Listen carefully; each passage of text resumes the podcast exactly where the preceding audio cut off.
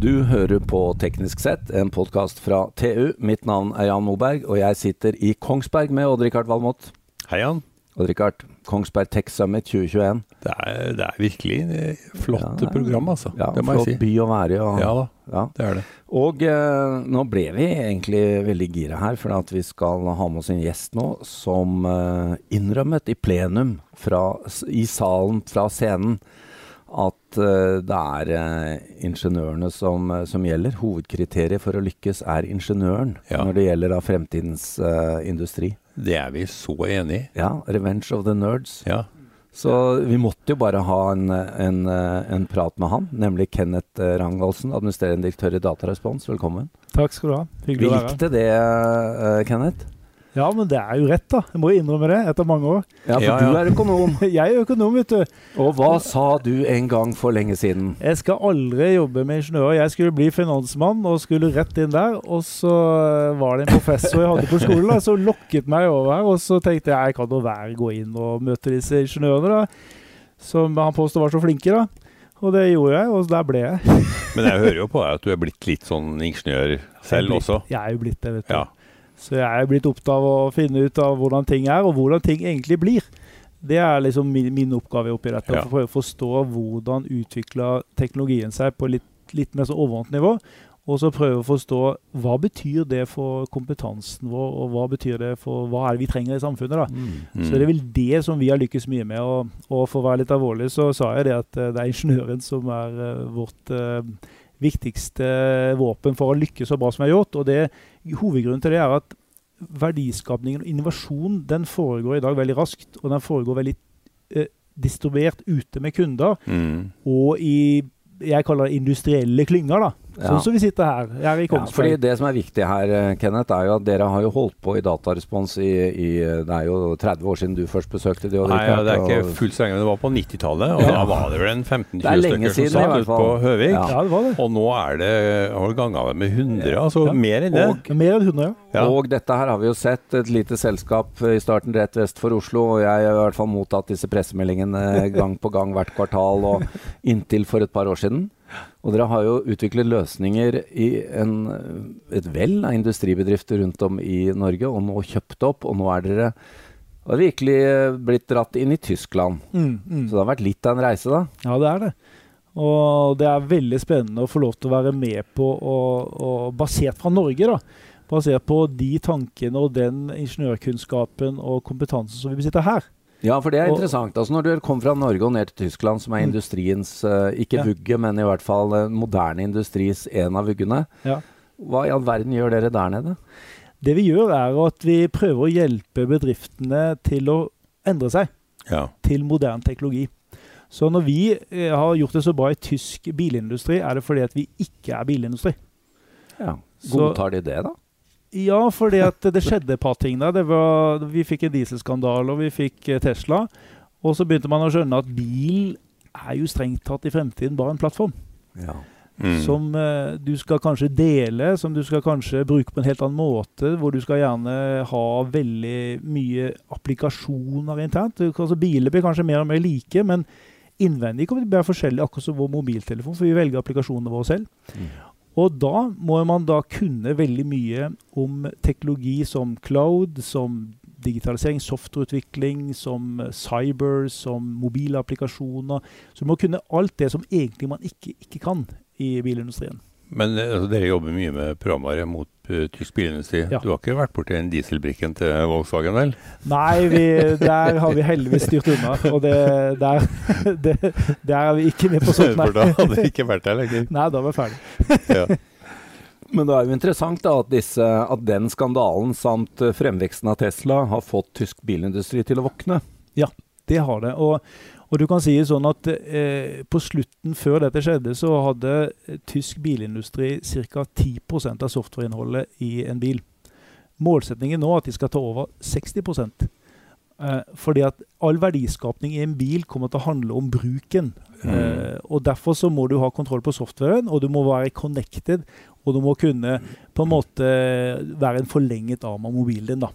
Og, og de type teknologier det handler om, de er egentlig ganske horisontale. Så det gjør vi for telekomindustrien, det gjør vi for energiindustrien, det gjør vi for vanlig på en måte industriell aktivitet. Alle blir truffet av det samme. Du skal koble det sammen, du skal automatisere mer. Mm. Og du trenger å ta i bruk helt nye teknologier enn det man er vant til å gjøre. Mm. Nå er det vel 20 år siden var det forsiden på Wired. 'Software's Eating the World'. Mark Andresen kom Ja. med et eller annet stort intervju. Ja. Er, er, er det realitet? Det er realitet. Ja. Det er eh, enormt mye som skal gjøres. Og det er, det er kompleksiteten som øker så fantastisk. For du må huske på at eh, når du skal gjøre dette, så skal man Man skal jo softe alt. Fra den minste sensoren hele veien opp til gatewayen, til det totale systemet, til hele software-stekken i de nye produktene. Og du skal lage da nye applikasjoner. Og du kan si at fremtidens bil, den er jo da hvilken Hvordan skal vi bruke bilen? Og da kan du si at da begynner du å bevege deg inn på funksjonalitet. Mm. Og det fine med funksjonalitet er jo at kunden kan selge det. Så du går vekk fra liksom kostsiden av en bil til at du blir en del av inntektssiden. Og det er jo bare uendelig.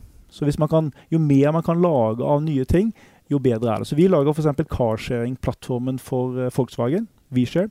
Og det betyr jo at de da istedenfor bare å selge biler, så skal de bare begynne nå å gjøre biler tilgjengelig i alle byer, elektriske, slik at du kan bare gå rundt og hente deg en bil og bruke den når du trenger den. Og det trenger du ikke å tvile på. Sånn kommer urban billiv til Ja. å bli. Og dette her ligger vel litt også av svaret på hvorfor vi akkurat hørte at Hertz leiefirma har kjøpt uh, titusenvis av Tesla. tusen 100 Teslaer. 000 Teslaer, ja. Og, Og uh, Uber det samme. ja, og det kommer til å bli det. Og så jobber vi da med f.eks. også autonomous driving. Og teknisk sett så har man kommet veldig langt eh, på den biten der. Så du kan tenke deg når man begynner å kombinere carsharing og autonomous, så skjer det noe veldig nytt. Men når det gjelder autonomous driving, så er det sånn at der kommer det til å bli mer sånn stegvis når det gjelder bilene våre, og det er allerede blitt. Ja. Uh, men de største bruksområdene kommer til å være i lukkede områder. Som, som f.eks. i fabrikken eller på en havn eller alle andre steder hvor du skal forflytte noe autonomt. Så teknologiene som bygges ut her, med smartkamera og GPU-er og alt dette her, det, det brukes, kommer til å bli brukt veldig mange steder. Som alltid er med teknologi. Men det er jo eh, Vi må bare innom det, ikke sant. Fordi eh, eh, fossilmotoren da har jo eh, eh, Det er jo ikke sånn at fossilmotoren er på lista over Odd Rikards 687 favorittemner. Men det var det. Nei, det, det er delt opp. Det er veivakslingen, det er Ja, ja. ventilløfterne, det er altså, det, selve det. Og da kommer du inn på det, hvor mange deler det var, hva vi holdt på med. Ja. Og eh, du var vel inne på det her tidligere i dag, at uh, det å kunne være så perfeksjonist på å lage dieselmotor var et slags hinder. da. Hvor, hvor tysk bilindustri kunne beskytte seg bak at de var så gode på det. Det kan de ikke lenger. Nei, for du kan si at når du har mange tusen, altså tusen bevegelige deler, og du har laget den egentlig veldig energieffektiv ja. Så de siste versjonene var jo fantastiske. Eh, det var jo veldig vanskelig for alle andre å gjøre. Eh, men eh, så kom eh, det elektriske alternativet, og da er, kan jo egentlig alle lage en bil. Det er 24 deler, det. Og eh, da flyttet gamet seg ganske fort mot connectivity, digitalisering og andre ting som er viktigere med en bil. da. Ja, Det er jo egentlig fantastisk å se hvordan utvikling av stempelmotoren har bråstoppa. Altså. Mm. Virkelig. Og den skal av, altså innen Det er- 2026 så stopper han, altså. Ja. Men Odd Rikard, det er fascinerende. Du syns ikke det er sårt lenger? Nei, det gjør jeg ikke. Altså, jeg har jo Det var litt sorg en periode. Ja, for så vidt. Jeg, jeg syns jo teknologiutviklinga var fantastisk, og den pågår jo til en viss grad ennå, men, men stort sett. Han prøvde seg, Kenneth, med å komme Nå har Nissan kommet med noe spennende. Da skulle han skrive en artikkel om det, og så, og så ble det sjeldnere og sjeldnere og sjeldnere. Og nå, nå, er, nå er det lenge siden jeg har sett noe fossilt innhold fra Adrika. Men hva har tenkt dette med Det er bare meg som er fossil nå. hvordan dette med premium har endret seg. Sant? Hvis du sitter i Mercedes eller i en Audi, sånt, så er det kvalitet, og det er driving machines, og det er alt dette her. Mens i dag, hvis du f.eks. sitter inne i en bil, og konnektiviteten ikke virker, Ja. at du tar opp mobilen din, og det er noe kluss, og det funker ikke, og det er sånn, ja. hvilken følelse får du for premium da?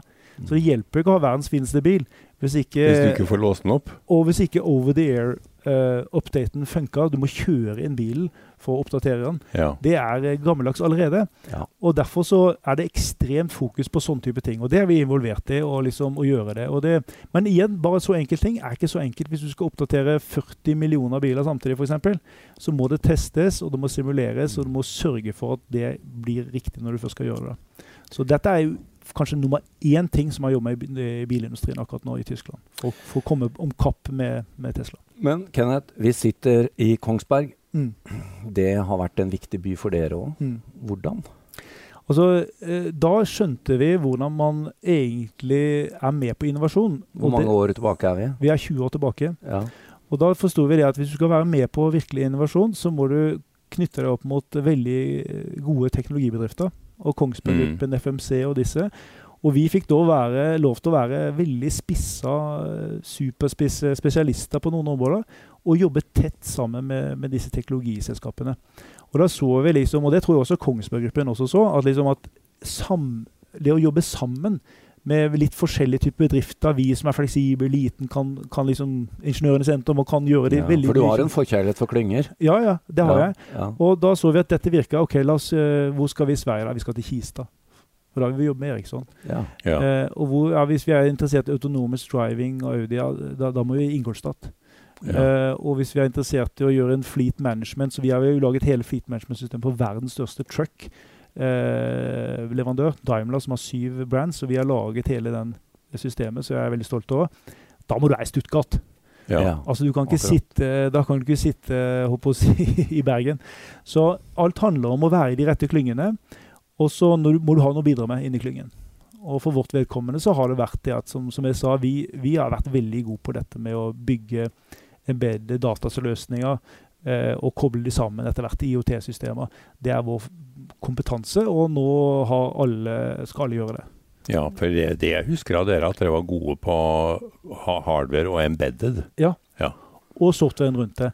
Ja. Så vi lagde jo da, i, på 90-tallet så lagde vi et IOT-system sammen med Ringnes, hvor du kunne da eh, styre hele logistikken til Det husker jeg veldig godt. Hele brusautomatene deres. Ja. Og du kunne kjøpe brus med mobil. Det var jo selvfølgelig ingen som brukte. det var jo 20 Det var år. Det det, var, Det var- det var for tidlig. Ja, det var for tidlig. Ja. Men det forteller liksom hvordan vi tenker eh, teknologiutvikling. Vi tenker på det som en evolusjon. Mm. Og det er en konstant evolusjon i mange parallelle teknologier som gjør at det føles for samfunnet som revolusjon. Men det er ikke det. Teknologiens eh, eh, forbedring den bare foregår hele tiden. Mm. Tar du en utfordring på sparket, Kenneth, kan du eh, gjøre begrepet Industri 4.0 eh, forklarbart for lytterne? Eh, det handler rett og slett om å lage en mest mulig eh, automatisert verdikjede. Fra komponentene kommer inn i en fabrikk, til man på en måte skal ha det gjennom hele systemet der. Og maskinene må snakke sammen. Og man må ta vekk alle manuelle prosesser man kan ta bort. Og helst bygge litt autonomt inni dette. Eh, det er det som kalles cyber physical systemer. Og så skal man in the end, eh, når man er ferdig med alt dette, så skal man kommunisere hele tiden med forbrukeren, slik at når det kommer ut av fabrikken, så skal det da leveres gjerne med et fleet management-system laget av oss, Mm. hele veien ut til kunde. Så det handler egentlig om å digitalisere seg gjennom hele prosessen og gjøre det mer autonomt eh, enn vi har gjort i dag. Og rasjonalisere voldsomt på veien. Voldsomt på veien. Og det er enorme effekter å ta ut. Eh, det er, eh, vi er kommet i gang, men det, det er mye å gjøre der ute. Ja, og ikke minst ta ned feilene, som, som du var inne på. At det blir færre feil eh, Mm. i produksjonen. Du, du hadde avslutningsvis Vi hørte deg på et foredrag her eh, for bare en times tid siden. eh, tre sånne bullet points på Mm. slutten. Mm. Det var interessant å høre, fordi eh, Mm. her skal man ikke eh, gi opp eller, eh, eller uh, ha for stor motstand. Man må la seg rive med. Må rive med. Og det vi pleier å si, det er at don't fight uh, the tech evolution. Ja. Altså, dette skjer. Ja. Uh, og Bill Gates sa det ganske greit, at de fleste de overvurderer teknologiens kraft på kort sikt, Det er riktig. men de undervurderer den på lang sikt. Ja. Så den evolusjonen, den, den er Ja. enorm. Og, og derfor så har vi veldig tro på det, og det må alle forholde seg til. Og det andre punktet som jeg er veldig opptatt av, det er at et- ethvert produkt det er venta på å bli en service. Og det Ja. betyr egentlig at hele verden, og det er det Industripunkt 4 handler om, den blir datadrevet. Ja. Og det har veldig mye å si for hele det tankesettet på hvordan man skal lage et produkt på. Så, så det er viktig. Og det siste det handler igjen om ingeniøren. Pass på at du har den rette kompetansen inhouse, og sats på ingeniøren. Bruk alt du kan av penger på dem, og la dem få lov til å jobbe desentralisert. Ikke styr de i pyramider, men eh, la de slippe de fri. Tror jeg mange av lytterne våre setter pris på. Men, men Kenneth, jeg må ha litt styring på det, Richard. Han kan ikke slippe helt fri. Det, det. Vi må tjene penger. Det er viktig. Kenneth Rangvaldsen, administrerende direktør i Datarespons. Tusen takk for at du delte av din kunnskap, og lykke til i Tyskland og ellers i verden. Tusen takk. Hyggelig å få være her. Takk til Odd-Rikard Valmot, og mitt navn er Jan Moberg.